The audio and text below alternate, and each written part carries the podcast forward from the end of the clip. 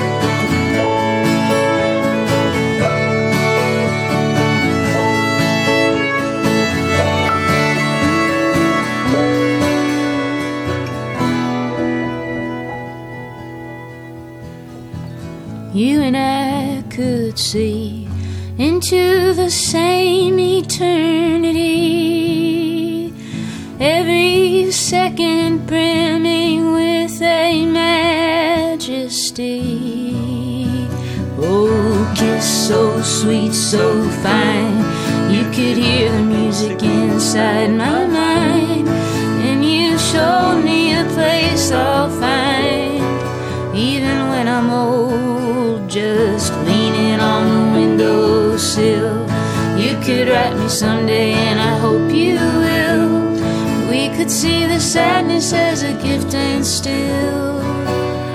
The seasons go so fast Thinking that this one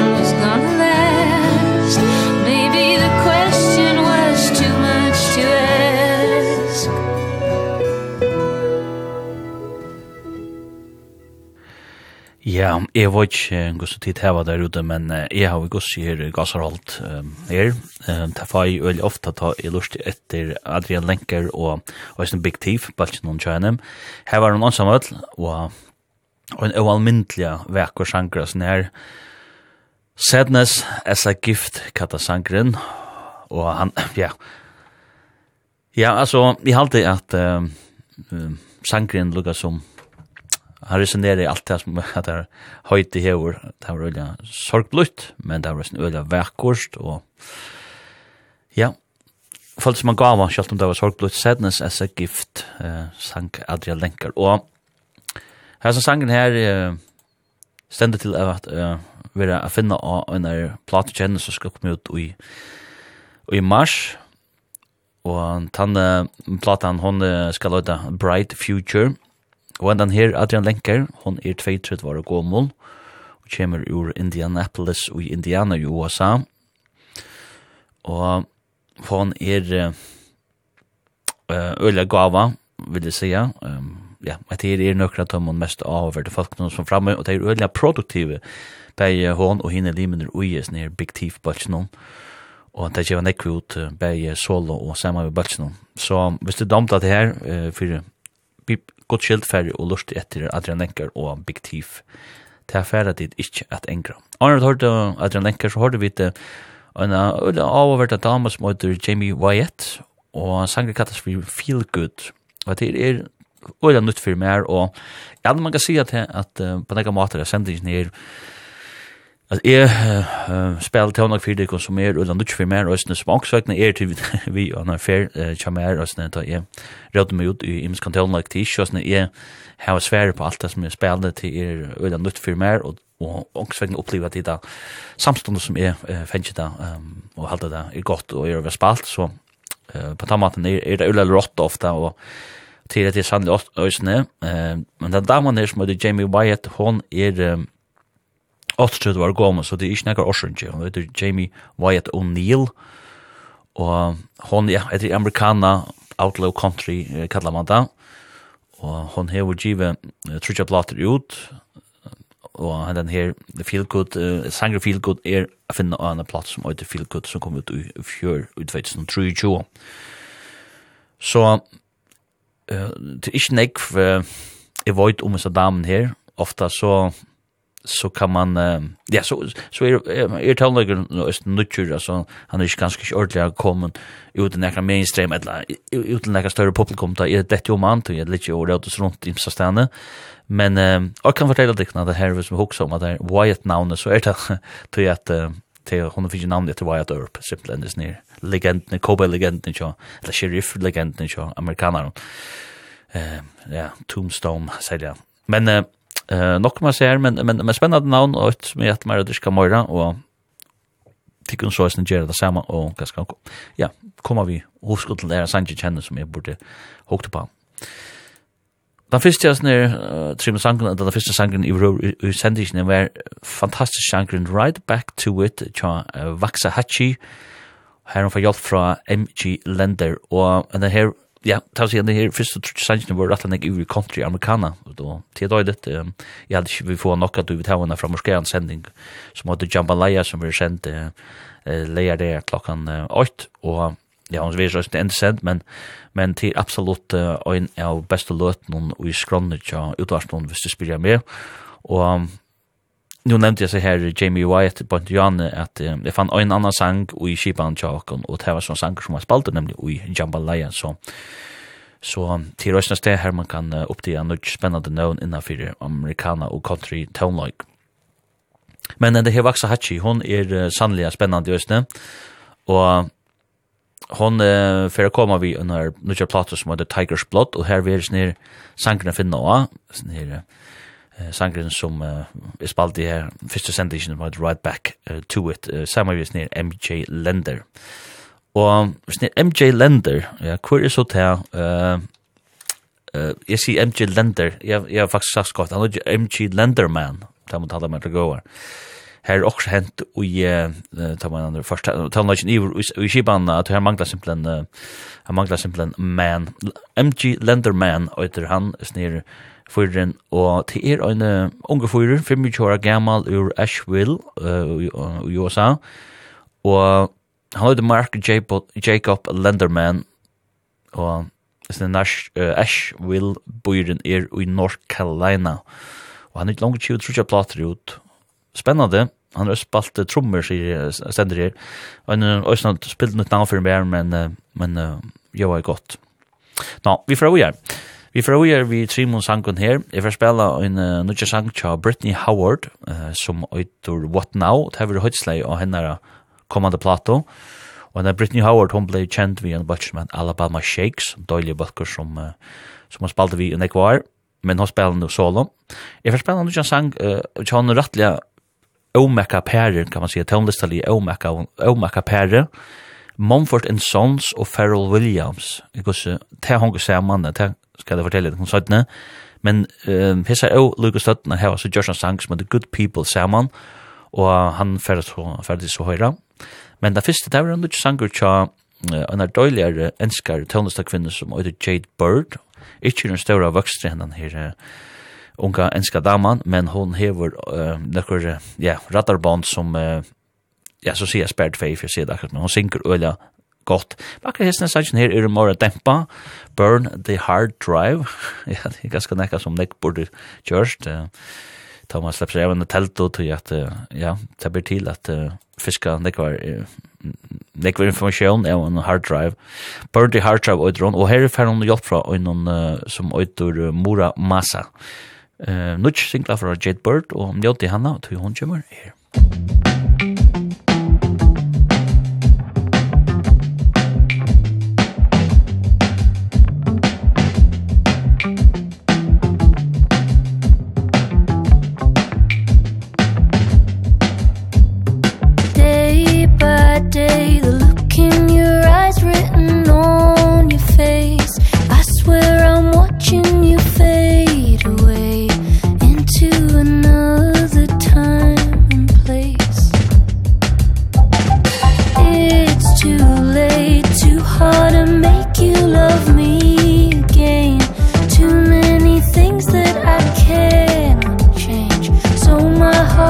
stars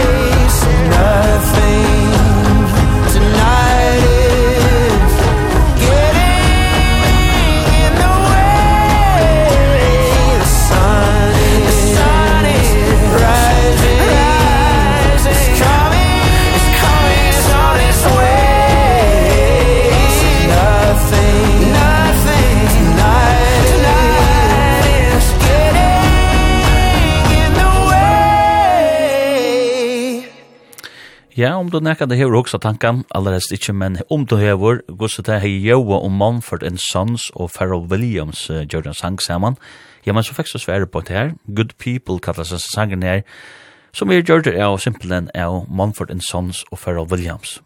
Uh, rattelig interessant, vil jeg sagt, jeg skal ikke si at det er uh, treidalest uh, tidsna bøl av snær, men jeg halte absolutt at det var avverst å høre hvordan tver så imiska tøvnlistalige verur kunne prøve at blenda saman.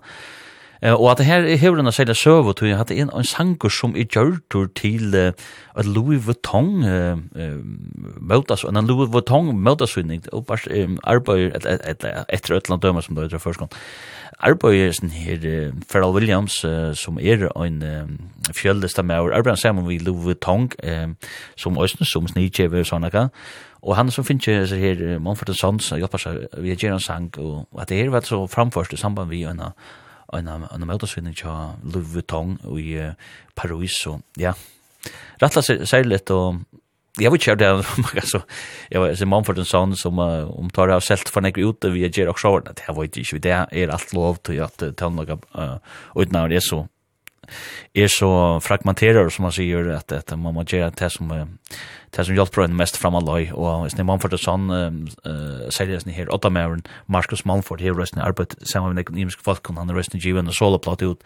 Det var visst något fjör och så Ja, ja, det er ikke grunn til å stande sted, og hvis man fer, en oppringning fra færre av William, så sier man altså ikke noe til, ja, skam få i tann. Arne, vi har då det här sälja samstarve mellan Manford and Sons og Pharrell Williams. Så har du vidt sannsyn What Now til Britney Howard. Og What Now verur høytesleg og kommande platene til Britney Howard som uh, skal komme ut uh, fyrsta dagen. Og hendan her uh, Britney Howard Eh Howard Hon kom fram som pastor av dåliga amerikanska bolts någon Alabama Shakes. Men nu spelar hon så solo och det gör hon oallmäntliga väl. Hon är gitarrist och sen hon är ja, gitarrist och sångare, sångskrivare og kommer ur Athens i Alabama i USA. Hun er 35 år gammel, uh, Brittany Amber Howard, som hun nøyter.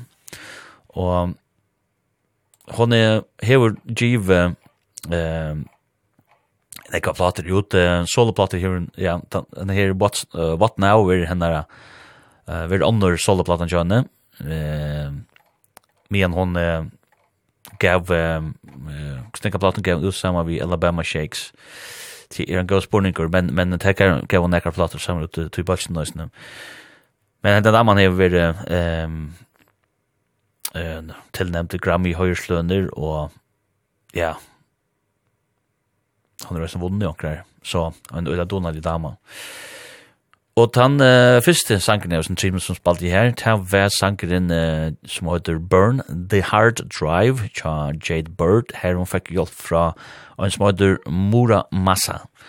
Og sin sangen er det første singlen, eller en single som uh, Jade Bird har vi givet ut, og um, det er ikke ordentlig grått um, eh när en platta kemur to be announced som det stendur men det kemur nokon platta fra henne og hetta er så första singeln som är given ut uh, i samband við det.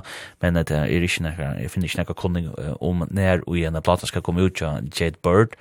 Ta platan det så eh vere eh hennar at tria to you know givet fer er platta ut. Jade Bird kom ut i 2019 sjálvan ta platan og Different Kind of Light kom ut i 2021. Så jeg tenker man sikkert passer vel vi, vi tog frekvenser som hun har haft her til vi utgaven. Og sånn er Mora Massa som hun arbeider sammen med til er en en um, unge bauer tjejtjur er gammal ur uh, Guernsey, som er en sånn elektronisk tonlista mauer, og sanger, sangskriver, framløyere, og han fikk størst hit um, Han heter annars Alexander George Edward Crossan. Han fikk et størst hit uh, i 2016, vi sannsyn om Lovesick. Her uh, han fikk hjelp fra en som heter ASA, ASAP Rocky. Ta sangren hvis man finner Spotify, så er det nok spalter under 400 millioner fyr. Og ja, så heter er en virdu med over innenfor, uh, innenfor bransjen, må man sige. Og han har haft nekka, nekka sannsyn som har klaret så vel. Ja Så Jade Bird, hon er kommet i godt selskap, må man sija, Eh, tar hon færen så. Eh, virda mann at hjelpa seg, og som vi skilte alene, og annars så er hon flott til USA, og sinne ur Ånglandet, og rønner at det fødda seg her i vrøm. Større, større marsnaur og alt det her. Og hon er jo talentet til det til hevren, den her 60 år gamla uh, Jade Bird. Då var vi till uh, Trisha Sanchez för att spela en sang till Black Pumas, en dåliga Bachton eller då inne i USA, Gemini Sun och ett sangren. Så vi har spela en sang till en Bach som är rätt annars för mer eller han är fullkomna annars för mer Nation of Language och det Balkan. Det måste jag vara sen då särskilt Balkan Spare me the decision kallas uh, sangren till Jothemon. Det första var då eh uh, en sangur vi døyliga amerikanska Butchnon, um, new wave kan eller elektroniska pop-butchnon, Future Islands.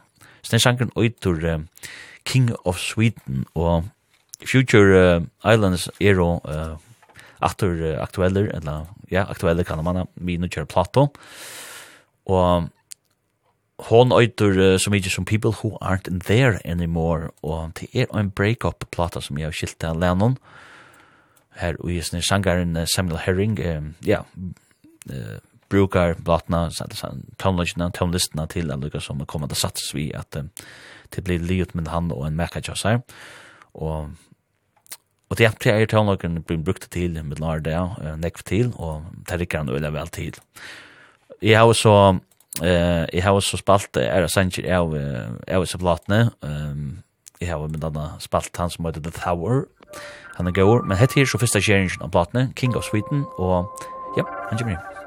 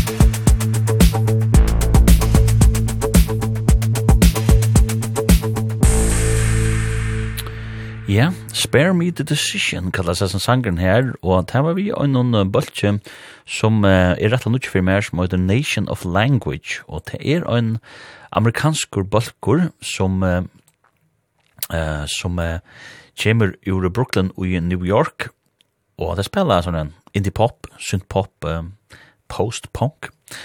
Uh, her var spalt siden 2016, og det er totalt nytt for meg, og det har sagt at det er jo um, inspirere, eller finnes jo utblåste fra hans orchestral maneuvers in the dark, og det har alltid man hører vel at du, Og tar jeg akkurat sier orkestral man nu og så faktisk gjør akkurat utgjørende en plate som jeg slett ikke ordentlig kom til å lust etter eller spela for det kom, men det må jeg for det kan man sammen og gjøre. Men eh, Spaltgren har vært Spaltgren 2016 som kom ut, og tar jeg av givet eh, trutja plattor ut, og jeg snakker her som vi tar om, som um, et så mykje som uh, Spare Me Decision, er uh, et av tre plattor som øyder Strange Disciple. Og ja, det er bare for lort av hvis man damer det her. Jeg vet ikke om her teltan som sitter vi på henne, hun ble vi å fortelle meg alle mølgen, alle mølgen lors som er røy ikke har bruk for vita på henne. Og Så så är vi tält om av vad de kan när det blir ett geromsen till även nästan så det kan lov att det blir att kus jag får nu vi är snir. Vi är snir vitt lutch någon ha men ja ehm det som vi skulle säga var det att ja strange disciple eller eller plattan just much ni. Och värst allt det och absolut näka som är att man checka mer checka mer ut ja checka mer ut. Kan man säga att det kan man ganska du säger det på nu. Men Ja, Arjen har då um, uh, Nation of Language. Så har vi uh, dåliga amerikanska bulchen Black Pumas. Vi sanns noen uh, Gemini Sun og Black Pumas som uh, tid som lustet sendingen uh, her ganske vita, så er det en uh, en uh, indisbalken jammer, en av indisbalken jammer. Men de er utrolig vel disse her uh, doina som uh, kommer ur Austin i Texas, USA. Det tar på Erik Burton og Adrian uh, Casada som manna uh, Black Pumas og Tesson Dorgera. Ja, som man kallar for en soul tone like. Ehm, um, det er R&B, soul tone like, men ja, ganske sin psykedelisk. Det godt. Og sangen her som tar det om, Han er finna av, ja, sanger kallas for Gemini Sun, han er finna av platene Chronicles of a Diamond fra 2023, fyrir lurste, vel sikna. Og plata som uh, nu vekser nek, valgte, hver er fra man lurste etter henne, så, ja, så, så føles de bare, uh, hva kallar man det, føles betre større, vekser vi vei for hver er jøkken jøkkenlursting. Og, Iron Black Puma, så hørte vi uh, Daniel Sanchin King of Sweden, ja, Future Islands, sånn her, uh, Valkren som er damer så vel så vel, som eh, kommer ur eh, Baltimore. Og Future Islands tar hava just eh, GV en nutja platt ut, som øyter eh, People Who Aren't There. Og til er en eh, yeah, People Who Aren't There Anymore, spilt nutja platta. Og til er en breakout platta her og eh, ja, snir sangaren, Samuel Herring, som han øyter. Og jeg skal komme til sattes vi at det blir livet med han og Mekan Jassar. Og en øyla god plata, og alt det som Future Islands kunne gjøre kan stelja vimmelast, og Balkan ja, kom boldrand inn og tøvnlagkapattelen ta i Torspalt og tar det største sang her til, Seasons Waiting on You, og tar spalt han og Late Night Show tja David Letterman i mars i 2014. Ja, ta får balken ordentlig av flå og hever verda søgjene. Vi færa vujere, ta færa vidt vi um, eh, trima sangene. Nu færa vi uh, koma, ja, vi færa til Norrlond, at vi er i Norrlondon, her er vi lukka som vi får vi inn, etter framan ondan, og vi uh, færa at halda okken til Norrlands kantonen. Jeg færa spela en nudjan sang til Sivert Høyem, som uh, kommer av nudjan platen, soloplaten, Johannes, som heter um, On an Island, og Sivert Høyman er annars uh, åtta med i framrøskerande, framrøskerande norska balsk noen uh, madrogada, og en balsker som mer om var uhyggelig vel, som jeg har hørt uh, live, uh, og en affær, og ja, jeg er større flipp her av madrogada, men Sivert Høyman, han gjør også ting sjolver, og han er just veri en gestur i um, sendingen Nordlio her i Udvarsmån, ferdig og tjekke to sendingen ut som Ragnar A. Jakobsen har gjørst han gjørst det samråd vi Sivert Høyum og samråd med platna og det er fantastiska forskon at det var folk som har så gav samband ut i ver at de kunne få samråd vi de fremste tøvneste folkene bæg i Norrland og med sann i Øysten ut i ver til at Ragnar Hivert Tosa vi god og kvann mann innanfor Rockheimen ja Kjolte limer ui Guns N' Roses Florida-dommen, og jeg vi. Og som vi skilja lennom, så er ganske a prat vi åtta mannen i Iron Maiden og Jombona. ombona. Derfor er det glede okkur til. Nå. Men uh, jeg vil bare si at først høyem for å spille, men uh, så får jeg også spille av sangtjokkere, nå er sangtjokkere, ikke noen Brimheim. Normi Saldian, etter jeg skal uttales, sånn sangren. Hon er av vev i nukkjær plato, alt hun kommer i mars. Spennande verd det høyra. Det seg synder her til, men det var godt. Men jeg får spennende svenks her, som heter, en sang som heter Berget, som er datt om av ah, Spotify, sjåande Spotify, algoritman, hon uh, plekka i det her um, i høyde av meg. Og til en bak som heter Dina Øgon, og er det fullkomne nytt for meg allerede helst er Ragnar Spalto i Norge, men jeg har så ikke hørt det her. Og jeg snir, sangen jeg finner en plate til Dina Øgon som kom ut i um, som kom ut i uh, 2023.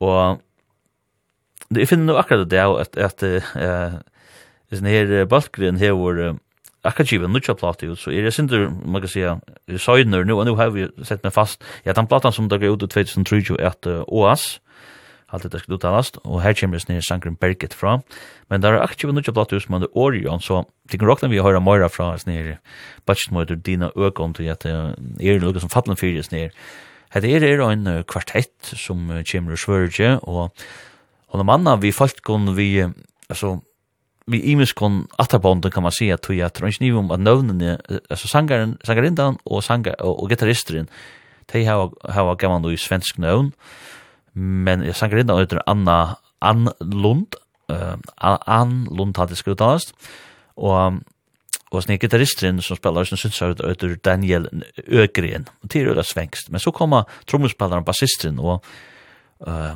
basisten heter Love Ursan Og det er gossi jøvar i turskist, og det er også vist til at taunlagen er samanbland av alle møvlen um, jøvun fra, vet nu, ja, det nevna Brasilia, Nigeria, Sverige, Freklande, Tyskland og Torskoje. Og så heter trommespann som heter Christopher Cantillo, Cantillo, Cantillo, alt det skal, Cantillo hvis det skal være spankst. Um, og ja, og det, det er jo ikke det svengst. Men uh, hese falskene har tjenst ui en 15 år, her er spalt saman i imskon samanhengon, men her var så nu uh, ordla sli, sli um, saman, eller, og og det har alltid blitt noe godt på sjur, og tjekk lykka det ut, um, her kommer sangren Berget.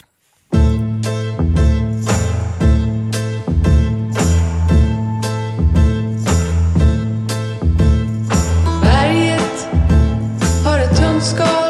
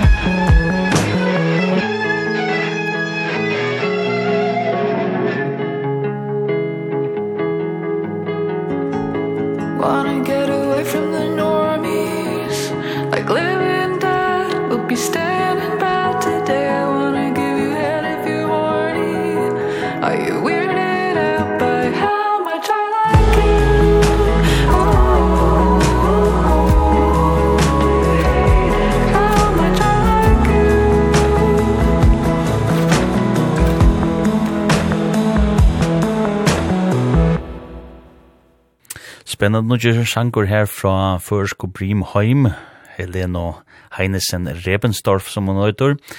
Normis kallar sangren her, og det er en sanger som jeg finner av henne er kommande plato som skal høyder Rat King, som kommer ut i, i mars, og det er glede av dere nekv til, og jeg er litt fram vi, eller ja, vevne at det forlukkast at uh, hun er samlo vi eh Helena ta i uh, platan kommer ut her i sendingen så det er nekka glede seg til Og det som er, jeg har hørt av platene her til, har vært godt, tar sannsynene som er utgjøvner her til. Og det som hørte vi til, ja, Morra Norr lengst, det var så ur Norra, fantastiske sangeren og sangskriveren Sivert Høyem, som vi anerkjenner ur bare noen, uh, fra lika bare noen uh, madrugada, her som er en solo, uh, og han spalte sangen som, eh, uh, on, eh, sangeren kallas for eh, Aim, uh, at the Heart, aim for the heart skulle være. Og det er en sanger som vi finner, av hans her nødvendig plass som heter On an Island, som just er kommet ut. Og jeg kan stelle vi med alle sendingene Norrljo her, Ragnar av Jakasven Tåsar, vi Sivert Høyem om nødvendig platene. til er olja hotakande, og i overhøver, ja, fantastisk at det blir til, kjør Ragnar, jeg kom i samband med sånne folk.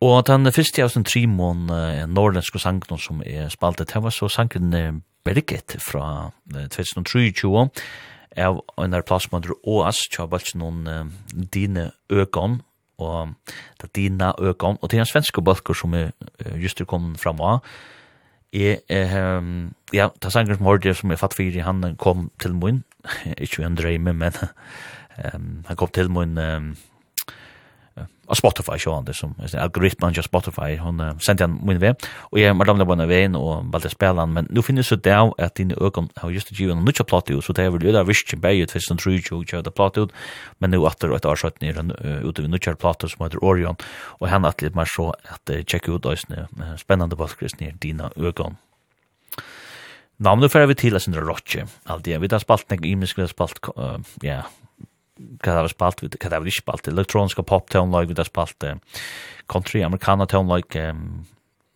men det hadde vi spalt spalt nu rødt nå. Og en balkur som fikk øyne nekker oss i fjør, det var en enskje balkuren Bar Italia, som, ja, som var av ødelisten i vår, at det har givet beste platen ut, og det er alltid er at, ja, det skal de ikke lette for at vi bor noen, til at, det är alltid viktigt att uh, framöver så när det är nytt för mer totalt nytt uh, heter en uh, basker ur London och den här um, platan som dök ut i fjör som faktiskt några grås och det twits twits twits the twits. Ja.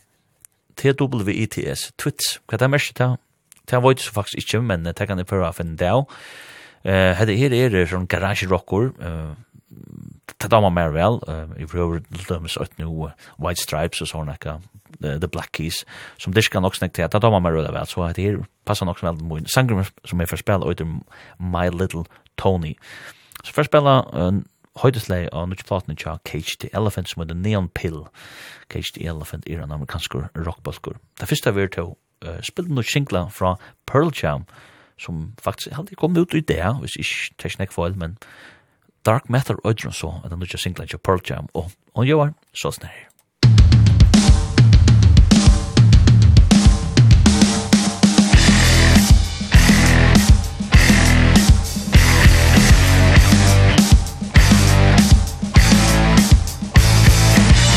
Feel the light from my eyes, in the blood from my heart.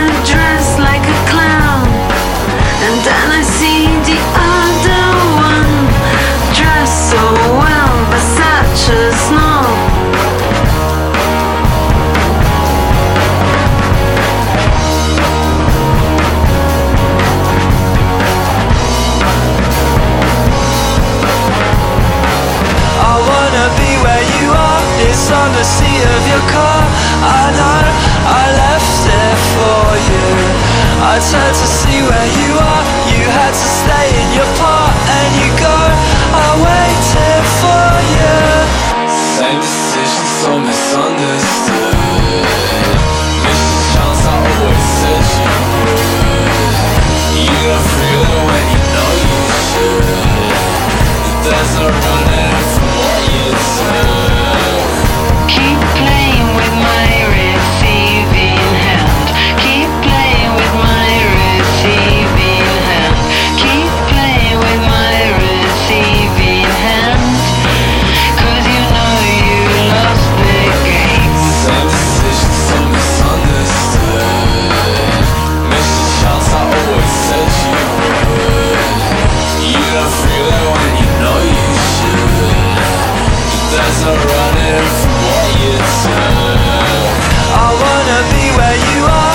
on the sea of your car I know.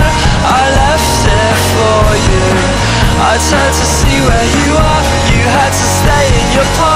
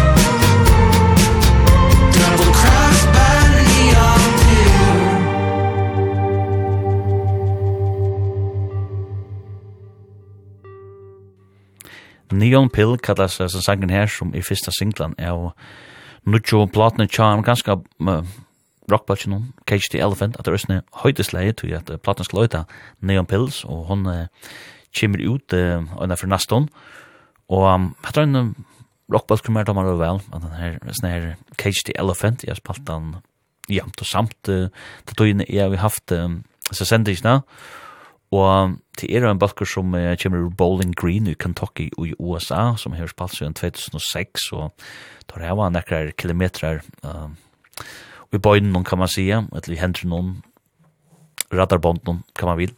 Og ja, hva kallar man det her, psykadelisk rock, indie rock, garage rock att det Och det var i Rover ett så garage tema eller något rock tema, något så garage ut som kort nu. Det är sangen Iron vi har Cage the Elephant och Neon Pill. Det var My Little Tony tja enska rockbotchen bar Italia och det var rattliga rattliga eh rått och skite eh isne her sangren fra Bar Italia ordliga garage rocker og sangren finna av Torra Plato fra 2003 som øytur til Twits og til i fjora studieplatan Charles nere britska alternative rockbulch noen i London. Og heter han Nick, Nick Rust plata den er og Og tar visa til uh, Sonic Youth og sånne som uiblåstor til. Hør man veldig vel uh, og i townløsene halde er uh, og ja, det er sort som orkester som er nøylig kom fram og kjalt om tar jeg givet fyra plater ut gå og godt nok tver plater ut i fjør Tracy Denim som kom ut i fjør og um, men det var særlig den her den twits som ble nekker røst. Og det første som Jim sank det var uh, Dark Matter til Pearl Jam, og det var en uh, spilte noe ikke uh, singla til Pearl Jam, og hvis ikke det ikke helt nek foil, så ja, ja, hun kom ut i det halvtid faktisk, og hun vil finne av tarrere um, plato som var røyda det samme, som var Dark Matter, og hun skal komme ut i april, og det her vil tølta studieplatan til Pearl Jam, um, så till ja, hva det damer man rock og eh var man onkel Alfredsen og så så er det näka glädje til da Pearl Jam kommer i en Plato. Nu allt som er å høre Pearl Jam i fyra och ger i Kjeppmannhavn og det var en uh, døylig oppleving at det høyre seg her grunge rockerne ur Seattle uh, spela i the weather uh, Jakarta og det var väl fyra skulle alltså se at det var en døylig konsert. uh, det var at the weather han er given vi klittra och Petro att möjligen mest stone han han er man sa an han, han tomte väl ett crowdsurf och alt det som han platta Jerry så något över men han tog inn in alltså färden och trisnäcka som och tror snäcka som han rönner at jag får faktiskt lätta vara vi men man sa at uh, eldre enn var en klekkvei en ojon No, vit ehm för spel tror jag Sanchez her, det vi tror damer slipper fra meg, det tar Ellison Russell som kommer vi inn og Sanchez. Ja, sen det Sanchez hade den fra 2022 med The Night Flyer. Eh Eh, en dålig sanger fra seg her. Og det er spennende tølleste kvinner som har ordentlig vind til sekkelen på nå i USA. Jeg var spennende en sang til Victoria Monet, som Victoria Monet vann uh, simpelthen uh, høyren for å være best av nutja navn til Grammy Høyslund av latna i fire, og hun får spennende en sang som heter On My Mama. Det første var til en uh, dame som heter Britty, som uh, spennende en sang som heter Nothing Compares to You, det her uh, blir bra av Shade fra Forsenån, og heter framløtt av uh, munnen Intis framløyere, Dan Auerbach, som er bare fra Nashville i USA, og at han er en um, samarrenning med Teibay som alltid er spinnende røyna seg godlem, og njóte til Nothing Compares to You. Nothing Compares to You.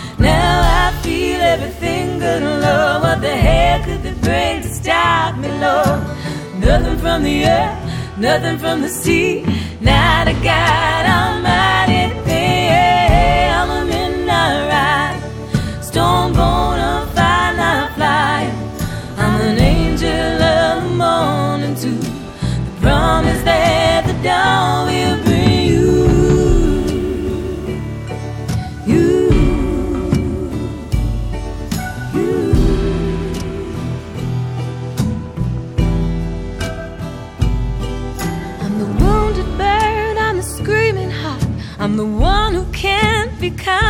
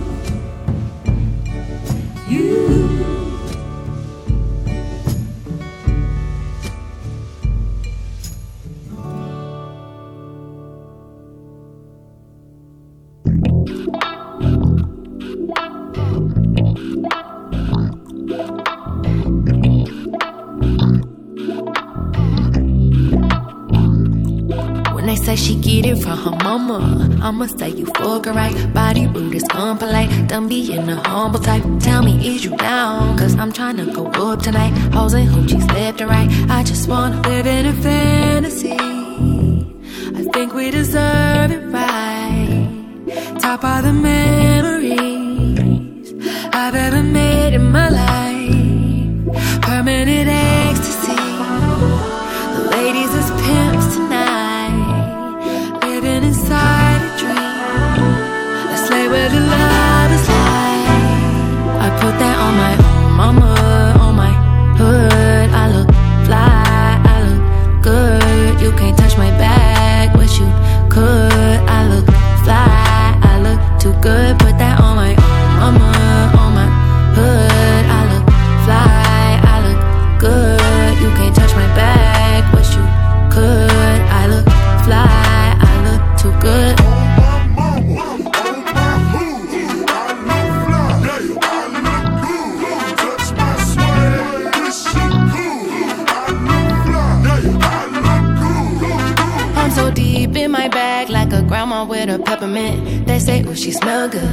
just cause I'm having sex.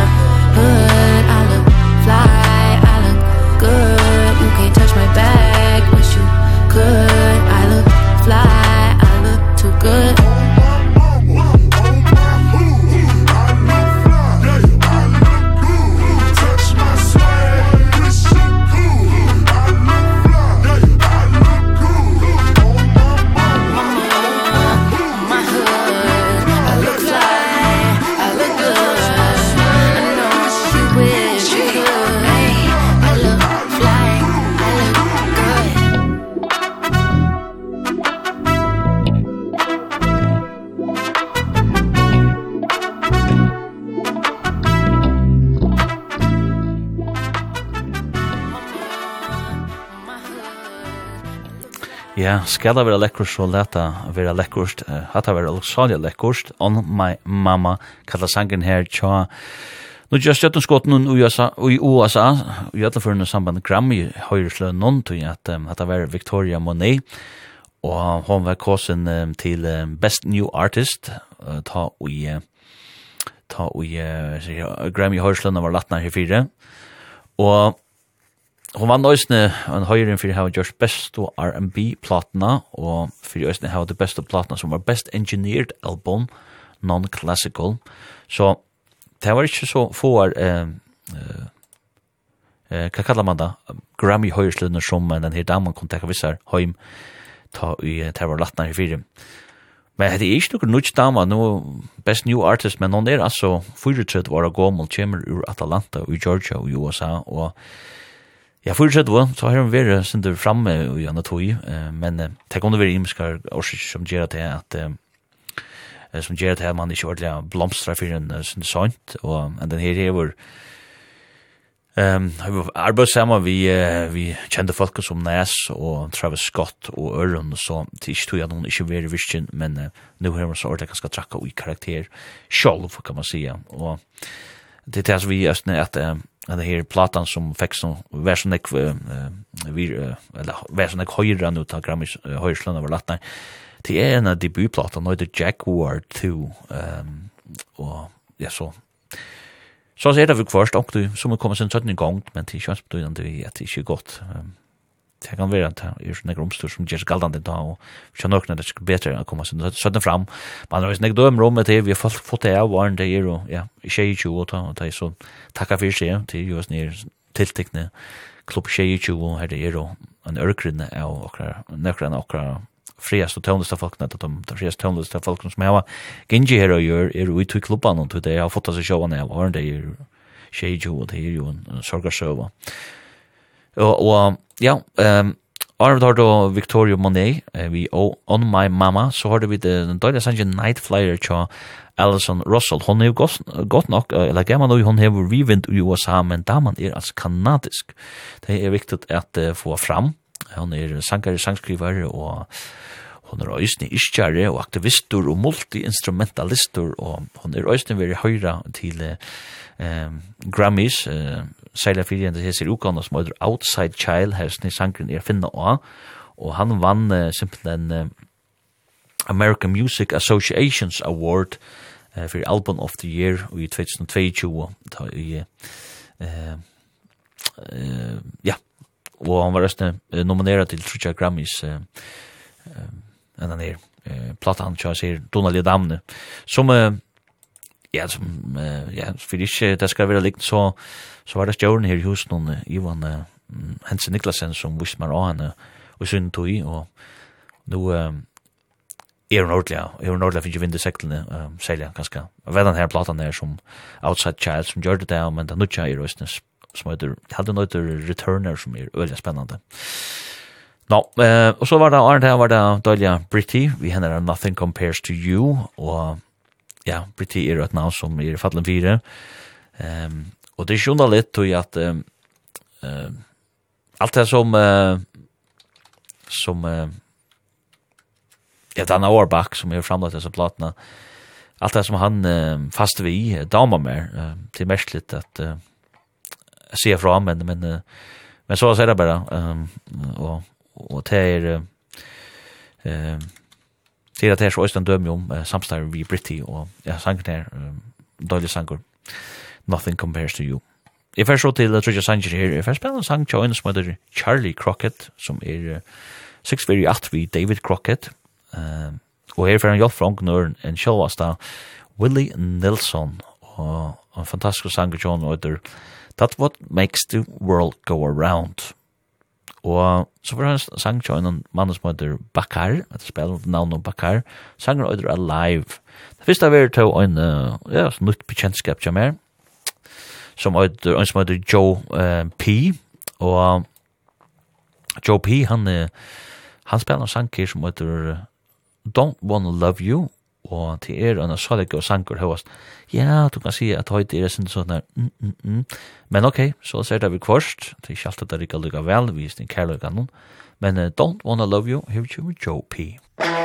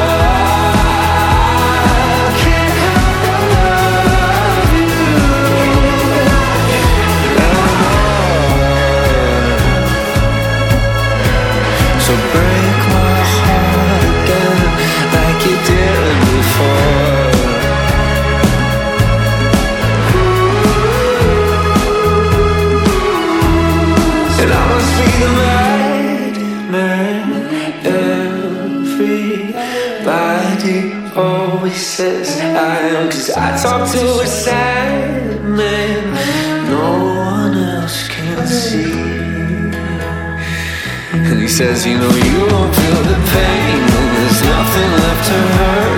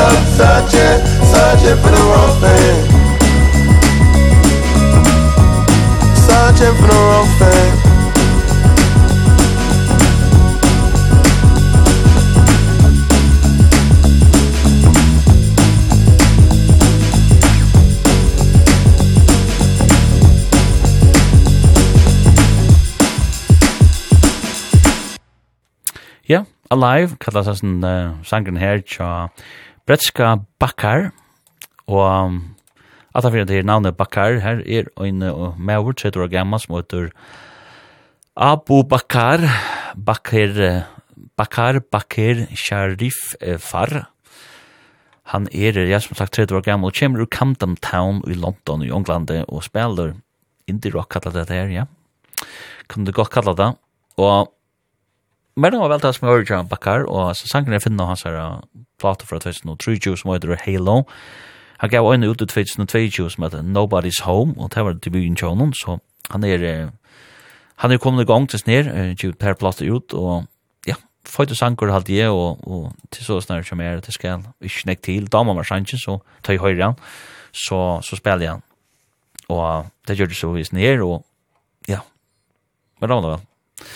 Ehm Arnold Hardo og Bakar og hans her uh, Alive så hørte vi en døgnet sang til Charlie Crockett en um, country eller en en rysande countrystjøtne kan man si det? Ja rysande countrystjøtne som uh, fikk hjelp fra Willie Nelson til å spille sangen That What Makes the World Go Around. Um, sin kjære krokka til hev gjør så mykje om seg at han, jeg tror, er sørste årene, at han simpelthen hev fire fikk en oppringning fra William Nelson sjolvun, og her William Nelson spyr om han ikke hever og okka sang som som tar som tar kon spellin saman. Og gat du ta og William Nelson ringe til tun eh og det faktisk ikkje hevur nakar sang ja gat du så? Du bluffar. Du sig sjálv det hevur det og det skal ikkje standa og så fart du på en så fart her vi fart knappt ja vilja fart vilja skont og for skriva några sanger og det var det som er snir Charlie Crocker George og det var Lester Leet og han fikk skriva några sanger i en beep fast og ja til så kom jeg til brosjur fantastisk urslit som heter that what makes the world go around. Og godt i honom og i halde at at det er sort Kajem man tar man att han då tar man hur spaltan och vet samma vi vill Nelson som country sangare så kvar man tar alltså Men eh, sin kjære krokket, han hever, han er en som hever bøyne planta i vel og vilja hjørne, og han er en arbeidsom med over Jim Nekvi ut, og okra har han givet tverplatter ut, så det er han ikke vant for hånden, men flott allu, ja, når han kom her til. Så var det snir, uh, som er at han ikke fyrir meg, fyrir meg, fyrir meg, fyrir meg, fyrir meg, uh, som heter Joe P. Uh, og uh, han er, uh, ja, hva er han? tala ner om en uh, en sånn, altså nekva sånn omkring altså folk de er sånne som kommer seg fram jöknon noen imiskar, plattformar og sånne ekka, og de sitter heima sitter heima gjørst alt og det er ikke sånn at de er og kommer fram eh akka tar tar tar tar tar vanlige veiner i tøvnlige bransjene. Jeg heldig sånn her er ein av dem som hever, som her kommer seg fram eh tan vein vi en sitter gjørst det meste, høyman til seg selv og og og ja, man rammer vel da jeg hørte det der um, og snir er fra New Jersey skilja Lennon, og kjem fra en, en balk som heter Deal Casino og jeg kjenner ikke Deal Casino og um, det er som balker som fører i omutsyna, og så blir han at, uh, sitt, ja, nemlig TikTok, sitt og gjør ting av TikTok, og, og så blir det liksom, å få vind her, og til, til så snakk kommer seg fram ut det, og selv uh, tøllest av folk som, uh, eller oss andre som kanskje er under 25 år gamle, tar knappt å få nytt liv av, av TikTok, og så gong det kjøtt, og ja, Ferry Church Joe P. ut, han, det var også godt, godt at det er, don't wanna love you, og det sangren, men uh, døylig være han. Nå, jeg får enda, det var gjerne vi trimmer sangen her, vi får spennende sang tja Jola Tenko, eh, uh, Ja, så er det hvordan han uttalast. Det har vi faktisk ikke en anelse av. A-S-E-L-E-S-T-I-N. Alestin. A-S-Lestin. As-Lestin. As-Lestin. Oh my god. Hvor skulle jeg finne på sånn? Hadde bare for å gjøre det trobel som er at jeg finner på sånn. Jeg burde slett slett spanna sannsyn ser sånn. Jeg kan bli en fretur det sånn. La det være. Jeg la tenke å øyne grøste balkor og platan der går ut i fjør og øyne de mest røste. Og Så er spennende en sang tja Loh Kott Connie som heter Slis Me On. Det første vi har tøvn spilt noen sjanger tja en donalig en tøvn som han spiller rundt navn om Phosphorescent, noe skinkla tja honom, Revelator øyder hon, og hvis du ikke kjenner Phosphorescent, fer jo lorste etter eh, honom. Eh, Phos, P-H-O-S-P-H, ja, look at me, det finner det av det. Ehm vi snær for tacka för mer for mer kvöld og hevda alt hevda nú så gott där ute ans nú vel show on. Eh det sendir við endur sent hestain klockan 8 och så vi vi har lukt ut hemma syna. Tja kring varsmons med kvf.fo framskak Lloydstein og kjem vi snakka oss ut av Spotify. I har en Facebook vänka som det døst kom fer og dama og koma við seriøst kvat det då hot til. Ehm ja, allt det bästa og ja, hävda så gott. Eh, inte vi tar det sattor. Musik